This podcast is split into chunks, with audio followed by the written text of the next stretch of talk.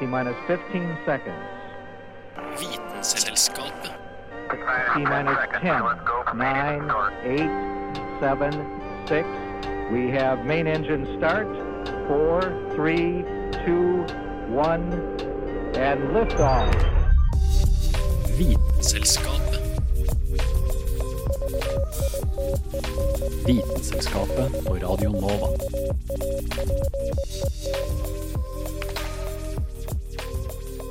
Hei og velkommen til kanskje den mest klissete sendingen eh, vi har hatt på en stund i hvert fall, og kanskje kommer til å ha på en stund framover også. I dag så skal det nemlig handle om alt det som er søtt. Sukkersøtt, kunstig sukkersøtt, og selvfølgelig søte dyr. Og det er vel derfor vi er her i studio, eller hva, Hanne Grydland? Fordi vi er to søte dyr? Fordi vi er to søte dyr, ja. ja det var akkurat det jeg tenkte. Greit, eh, la oss bare rulle i gang. Mitt navn er Kristin Grydland, og du hører på Vitenselskapet. Vitenselskapet.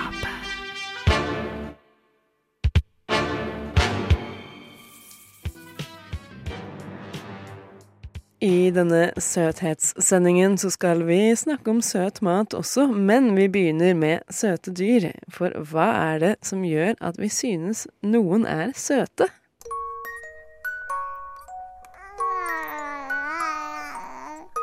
Neimen, så søt, da. Se på de store, runde øynene, de røde kinnene og de bitte små fingrene som klyper seg fast i alt de kommer nær. Babyer er jo bare helt herlige. Når de ikke skriker hull i ørene dine, da. Om du ikke er enig med det, kan du nok sikkert være enig i at små kattunger eller hundevalper er det søteste i verden. Ikke bare har de store, runde øyne, men også utrolig myk pels som er nesten uimotståelig å ta på. Men hvorfor har akkurat disse trekkene blitt så innmari uimotståelige?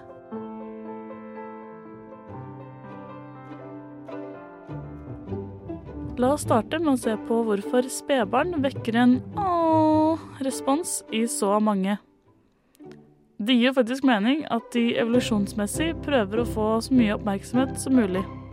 Bare tenk på det. Det tar dem ca. ett år å kunne gå selv. Rundt fem-seks år å lære seg å lese og skrive. Og hele 18 år før de lærer seg å kjøre bil. Det tar mildt sagt en pinlig lang tid for menneskebabyer å vokse opp i forhold til andre dyrearter. Så hva med alle disse trekkene som vi synes er så søte, da? Nummer én på lista var store øyne. Det har seg visst slik at øynene våre ikke vokser noe i løpet av livet. Som betyr at vi blir født med samme størrelse på øynene som vi har når vi blir voksne. Hodene våre derimot vokser en god del som gjør at voksne øyne på et spedbarn ser ganske store ut.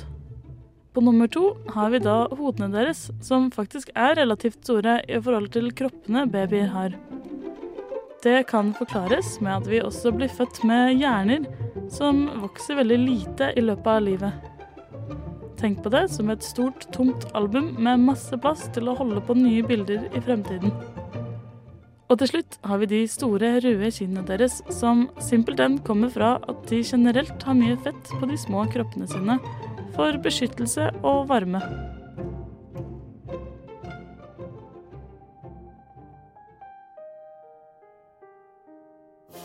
Dette forklarer jo ikke hvorfor vi synes dyr er så søte at vi ikke klarer å la være å ta på dem. Særlig katter, som helt klart er de søteste kjæledyrene man kan ha.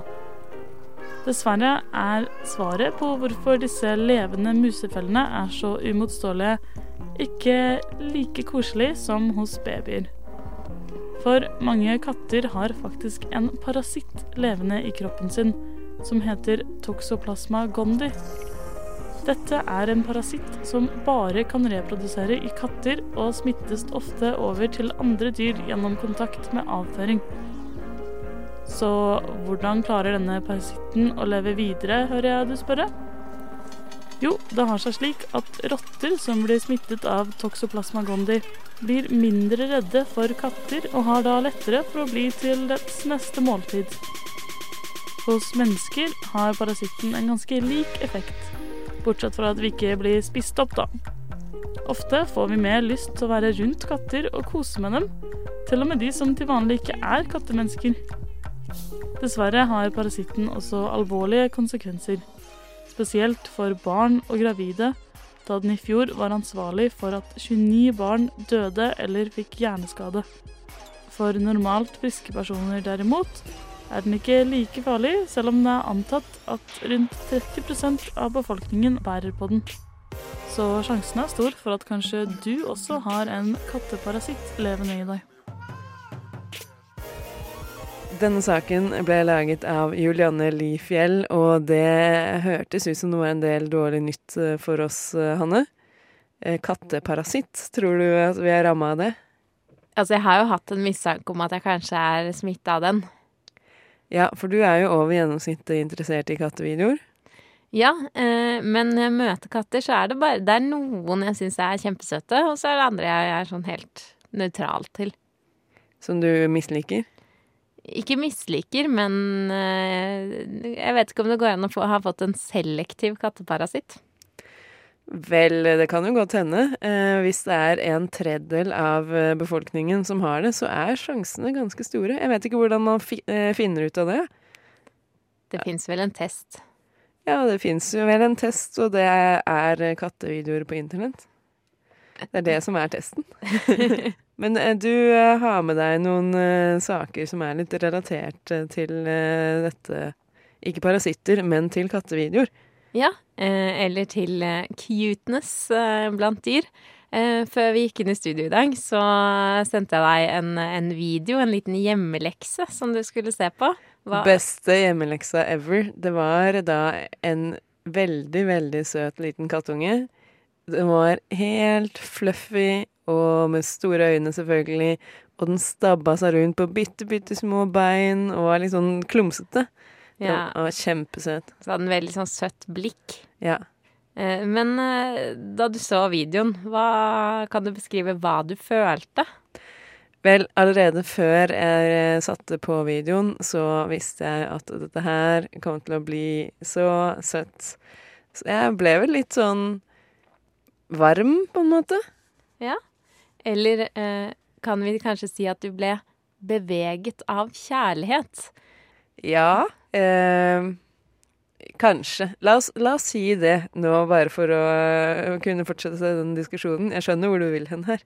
Ja, eh, fordi vi skal nemlig til en eh, nylig utgitt eh, masteroppgave som eh, så på hvordan mennesker reagerer når vi ser søte dyrevideoer på nett, og da blir vi beveget av kjærlighet. Det vil si, det, vek, det vekkes en slags sånn fysisk reaksjon i oss. Eh, det kan være tårer eller gåsehud, eksempel. Og den reaksjonen, den kalles kama muta. Ikke Kamasutra. Nei, her må man holde tunga rett i munnen. Det kalles eh, kama muta, som på sanskrit betyr beveget av kjærlighet. Det kan jo for så vidt eh, Kamasutra også være. Ja, det er kanskje relaterte ord. bevegelse av kjærlighet. Eh, men, eh, men det går jo mot at vi føler en, en varme og kjærlighet for, for dyr som vi syns er søte. Um, og hvorfor vi syns at dyr er søte, det toucha jo Julianne litt inne på i, i saken sin, med, med ansiktstrekkene og, og hvordan kroppen ser ut og sånn. Uh, men det er litt Det er jo to ulike teorier for hvorfor menneskene evolusjonært sett em, tiltrekkes av søte dyr. Ja, det er beskyttelsesinstinktet, for det minner oss om våre egne små barn. Ja, eh, det er jo den første mm, teorien. Og Konrad Lorentz, eh, jeg vet ikke om du har hørt om ham, men han var en veldig betydningsfull evolusjonsbiolog, altså en av grunnleggerne i feltet. Eh, som eh, i 1943 så lanserte han teorien om at det fantes et eh, babyskema, eh, som man kaller det, som er et slags sånn eh, rammeverk, eller hva jeg skal si, regelsett for hvordan alle mennesker eh, Hva alle mennesker tenker om babyer. Eh, altså deres følelsesmessige holdninger mot babyer, og at det er en felles eh, eh, Hva skal jeg si, et felles rammeverk da, som vi deler med dyr. Så det er liksom litt inngrodd i oss, da, i alle mennesker. Ja. det er jo Det knytter seg jo litt opp mot at vi syns at, eh, at dyr er søte fordi vi syns våre egne babyer er søte. At det er på en måte en evolusjonær hangover, eller hva du kan kalle det. Fordi dyr, små babyer og dyrebabyer ligner jo på en måte. Ja, Så vi overfører det til andre eh, rasers barn også. Ja, vi ønsker å ta vare på våre egne barn, fordi de trenger å bli tatt vare på. Eh, og så har vi lyst til å ta vare på andre rasers barn, selv om det kanskje er livsfarlige dyr, som løver og tigre. Det er jo ikke så veldig mye, eh, noe som er så veldig mye søtere enn tigerunger. Ja, og den andre teorien, da? Eh, Det er jo at eh, ikke, at vi, ikke at vi først og fremst ønsker å ta vare på dyrungen. Altså det er ikke derfor vi først og fremst syns den er søt, men det er fordi vi ønsker å skape et bånd til dyreungen. Og før i tida så var det ganske viktig at man skaffa nære, eller at man var venner med dyrene. Eller hva jeg skal si, at de fulgte etter deg, og at hunden eh, vokta deg og var med deg på jakt og sånn. Eh, det var jo viktig for å overleve. Sånn sett så er det jo litt evolusjonært, kanskje. Eh, men, eh, men det er den bonding-teorien, da. Eh, så spørsmålet er jo eh, om vi, vi mennesker syns jo åpenbart at dyr er søte, og det kan man måle veldig lett. Men synes, an, synes dyr at andre dyr er søte? Altså, her tenker jeg det må være veldig variasjon mellom dyrene. Eksempel en mus vil ikke synes at en kattunge var søt. Nei, det, og det vet jeg ikke om er målt heller. Eh, det de har gjort noen studier på, er jo eh, hva skal jeg si, om individer i en, eh, innenfor samme rase syns at andre individer, og eh, kanskje først og fremst babyer av den rasen, er søte. Så for eksempel i 2012 så ble det gjort en undersøkelse der aper ble vist bilder av både voksne apefjes og babyfjes, babyapefjes. Eh, og da så de, de lenger De brukte lengre tid på å se på det babyfjeset enn de brydde seg om, eh, om voksenfjeset. Så de synes at uh, apebabyene var litt mer tiltalende, kanskje? Ja, altså det er jo litt vanskelig å si, fordi i 2013 så ble det gjort en eh, studie i Japan. um, der de viste at uh, babymakaker, altså en apetype, um, ikke nødvendigvis fikk mer oppmerksomhet enn det voksne makaker fikk fra andre voksne. Uh, så det er jo litt sånn hva skal jeg si, ulike funn, og det er jo litt vanskelig å måle hvor søte eh, dyr syns at eh, babydyrene er. Um, og det er jo kanskje Antageligvis så syns de jo ikke at de er like søte som det vi syns. Baby, en babyløve da, vil jo klare seg på egen hånd veldig mye raskere enn det en uh, menneskebaby vil. Kanskje de syns at uh, den er styggere hvis den er litt sånn hjelpeløs, fordi at uh, da virker den svakere. Ja, det kan hende at det er jo noe vi ofte syns er søtt, ikke sant. Det, søt, det svakeste dyret i, i kullet syns jo vi ofte er liksom det mest eh, bedårende. Ja, det er jo kjempeinteressant med søte dyr og sånn. Jeg håper vi finner ut eh, litt mer om det. Eh, snart så skal vi snakke litt om ting som er søtt på tunga.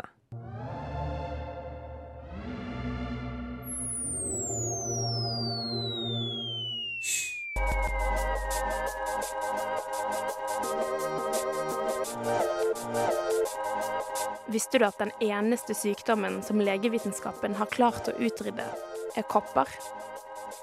Denne dødelige sykdommen ble utryddet i 1980 bare pga. at alle landene i verden tok vaksiner mot det.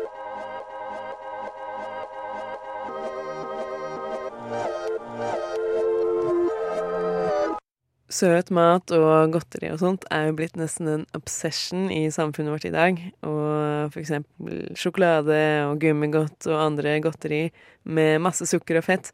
Det blir man jo glad av, men blir kroppen glad av det?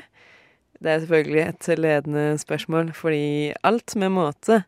Men hva er det som skjer når kroppen faktisk ikke klarer å håndtere det sukkeret man spiser?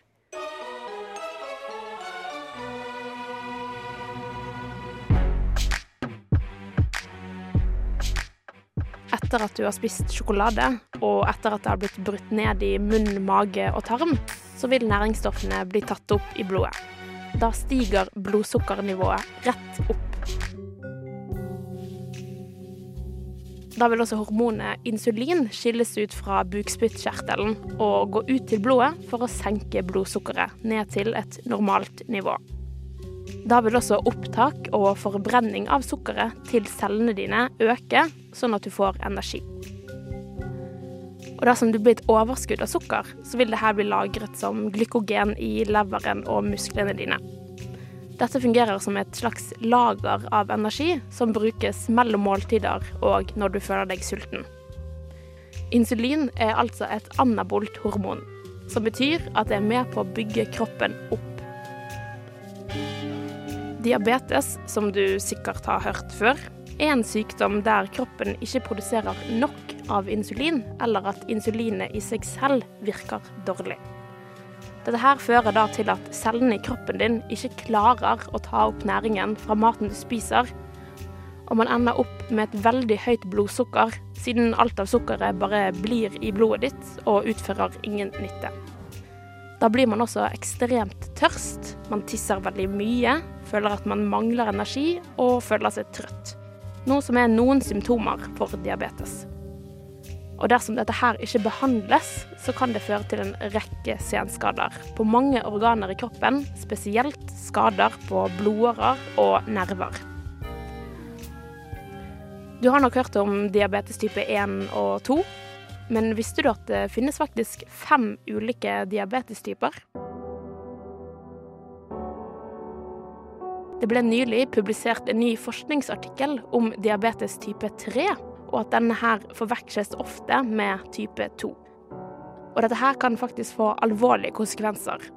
Fordi det viser seg at type 3 har mye dårligere kontroll over blodsukkeret, og trenger dermed insulin mye tidligere enn det man gjør ved diabetes type 2. For behandlingen av diabetes type 2 starter som regel med å legge om til et sunnere kosthold, mer fysisk aktivitet og medisiner som senker blodsukkeret. Diabetes type 3 kan man få pga. en betennelse eller en svulst i bukspyttkjertelen, altså i det organet som er ansvarlig for produksjon av insulinet. Og grunnen for at man kan få diabetes pga. dette, er fordi at dette kan ødelegge mange av de grupper av celler inni bukspyttkjertelen som produserer insulin.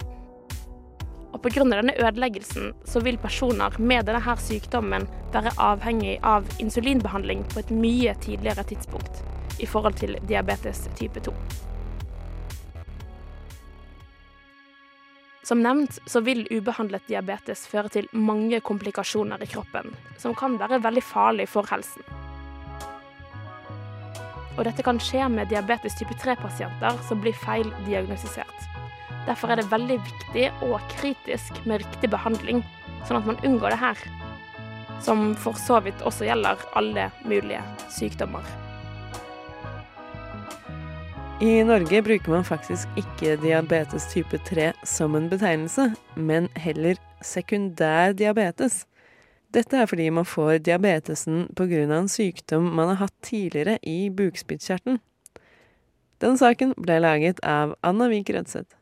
There's hydrogen and helium, then lithium, beryllium, boron, carbon everywhere, nitrogen all through the air with oxygen so you can breathe. Du hører på Vitenselskapet på Radio Nova.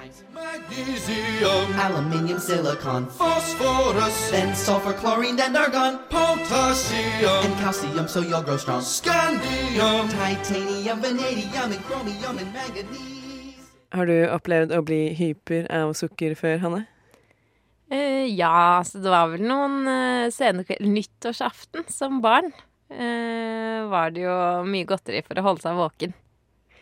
Er du sikker på at det var sukkeret som gjorde deg hyper? Kan ha vært de andre barna som også var helt ville. Uh, men jeg vet ikke.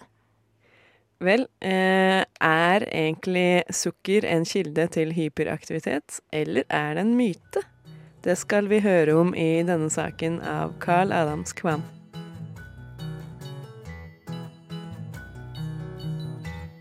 De fleste har vel opplevd unger som er litt vel energiske. Kanskje har du opplevd at ungene har sprunget rundt i et familieselskap og irritert alle rundt seg. Eller kanskje du har sittet på et fly med en unge sparkende i seteryggen. Mildere ting har drevet folk til vanvidd.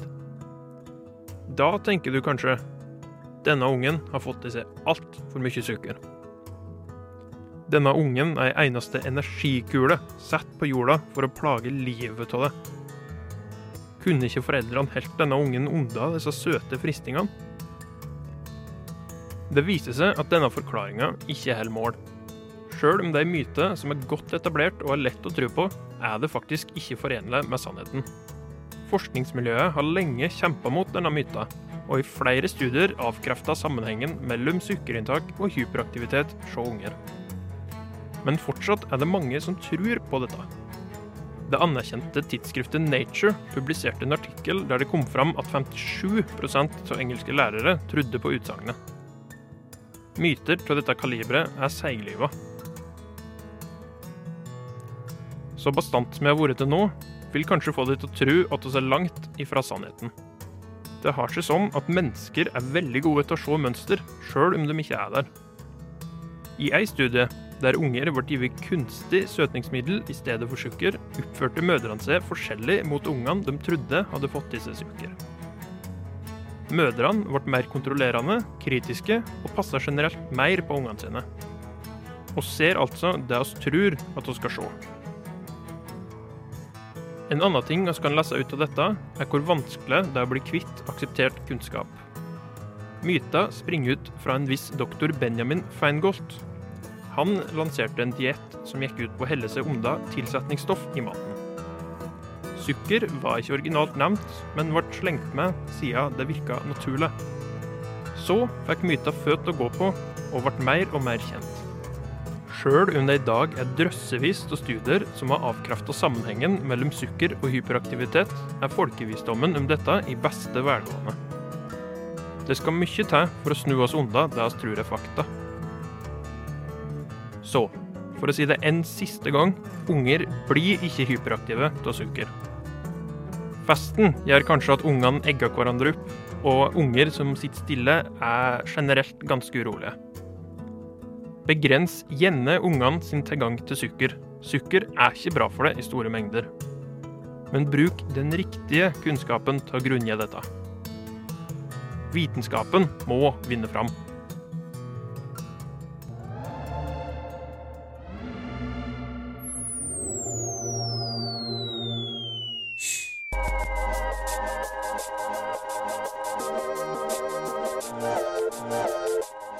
Du at når du flasser etter å ha blitt solbrent, er et resultat av at hudcellene dine har drept seg selv? Grunnen for dette er fordi at DNA-et deres har blitt så skadet etter UV-strålingen fra sola. Og denne prosessen er et veldig viktig forsvar mot hudkreft.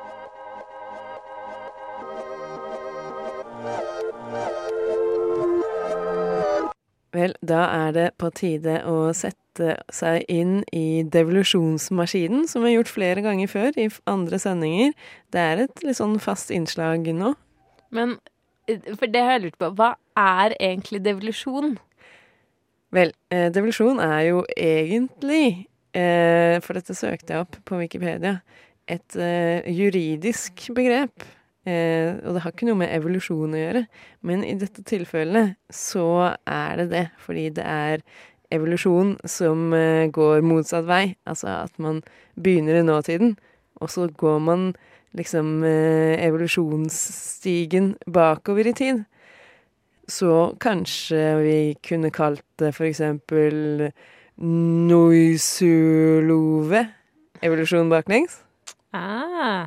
Vel, uansett, vår eminente ekspert, zoologen Peter Bøckmann, forklarer oss hvordan verden og dyrelivet så ut for 300 millioner år siden.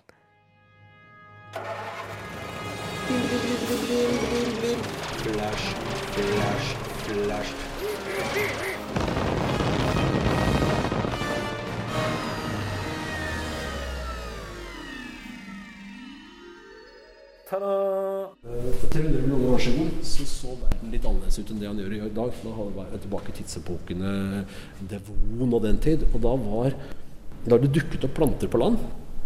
Sånn kjempesneller og kjempebreiner og sånn som man sikkert har hørt fra skolebøkene. Men det fantes ikke noe virveldyr, ikke noe dyr med skjelett på. Det fantes dyr uten skjelett på land. Det fantes uh, kakerlakker og tusenbein og en del sånne ting. Men fordi de ikke hadde konkurranse av dyr med skjelett inni, så ble de ganske store ofte. I dag er det jo sånn at alt som er større enn en fyrstikkeske på land, det har skjelett inni. Og alt som er mindre enn en fyrstikkeske, det er gjerne leddyr, altså dyr med skjelett utapå. Den gangen så fantes ikke virveldyra, og dermed så var det et marked for hvert svært leddyr. Og så fantes sånn to meter lange tusenbein og eh, Se for deg en snegle på størrelse med en kneip som sklei bortover gjørma. Altså sånne ting. Det var mye mat. Veldig mye mat for et dyr som var kjappere enn dem. Og den gangen så var det store områder som var verken land eller vann. Månen var litt nærmere jorda den gangen. Dagene var kortere. Rundt ja, et par timer kortere, tenker jeg. Og så kan du tenke deg sånn Se for deg at månen ser dobbelt så stor ut på himmelen, og så var det mye mer tidvann. Mye kraftigere tidvann. I dag så er det kanskje et par meter. Den gangen så var det sånn ti meter. Og da har du svære områder som er vann to ganger i døgnet og land to ganger i døgnet. Sånne områder har vi i dag også, f.eks. i Amazonas. Og der finnes det fisk som lever på mudderflatene. Bor i et høl når det er lavvann, kommer ut av hølet når det er høyvann, og spiser ting som har, har drevet ut fra land. Der kommer det frukt, det kommer meitemark, og det kommer tusenbein og sånn. I dag også. Det, det, er noe, det, er ikke noe, annerledes i dag. I dag så er de der slamkryperne, de småfisken, de er bare sånne små tasser. Men den gangen så var det noen ordentlig drage av noen halvlandfisker. Jeg ser det mer sånn fisk-fisk. Det ser ut som en blanding av gjedde og en krokodille. Sannsynligvis levd litt på samme måten også. Den som er midten her, det er den som vi kaller for tiktalik. Det navnet hører du kanskje, det er ikke latin. Det er eskimo. Den er funnet opp på Grønland. Og tiktalik, den, den var en fisk. Den hadde gjeller, indre gjeller, noe som en ordentlig fisk. Den hadde finner. Den kunne svømme finnene sine. Men den hadde ikke uh, gjellebuene vokste fast i tunga, sånn som en torska f.eks. Så den kunne liksom ta hodet opp og hage opp på den måten der. Og så har bakkanten på uh, gjellekammeret Det var ganske solid. Det er det du ser stikker opp som to sånne litt solide bein bak hodet der. De fungerte som feste for skuldermuskulaturen. Og så har solide over, overarmsbein og et par solide underarmsbein tilsvarende oss. Og så har de sett litt på muskelfester og sånn, og sier at det den kunne, det var å ta pushups. Da kan du si at verden skal fisk må ta pushups, for det høres ut som en litt dustete ting å gjøre for en fisk. Men en fisk svømmer i vann. Men denne har altså vasa rundt på land, og så har den tatt pushups. Og så kan vi nå se litt på disse slamkryperne igjen. Hva er det de gjør? Jo, disse hannene av slamkryperne. Når, de, når det er lavvann, så nøyer de seg ikke med å spise ting som ligger rundt på flaten. De drar seg fram i gjørma, og så når de møter hverandre, så har de sånne gapekonkurranser. Så sånn, gaper til hverandre. Det ser jo helt latterlig ut. Men det er selvfølgelig for å konkurrere territoriet og tøffe seg for damene. Det er sannsynligvis det samme vi ser her. Altså en annen variant av det. Så du kan si at grunnen til at vi da er landdyr, at vi liksom har, kan dra oss fram med armer og bein og kan stå på land og kan bruke svømmeblæra vår som, som lunge osv., det er for at urfiskene skulle vise seg prove a point. Denne reportasjen ble laget av Dag Løvold Magnussen og Birgit Ski, og er basert på utstillingen Livets tre ved Naturhistorisk museum i Oslo. Har du sett den, eller? Ikke ennå. Nei, det har du nok sjansen til, for den utstillingen blir stående åpen for publikum fram til 2021. Og ut ifra bildene som jeg har sett, så virker den veldig spennende, altså. Sweet.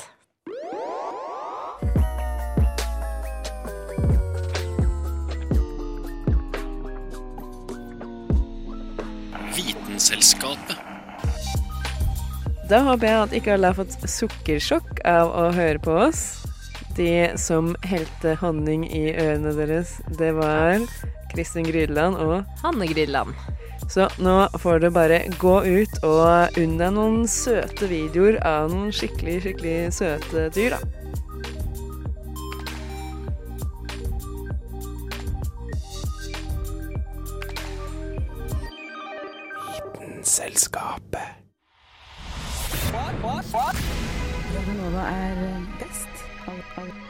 Alle andre er tapere. Radionova er best. Radio Nova. Mm. Radio Nova. Radio Nova.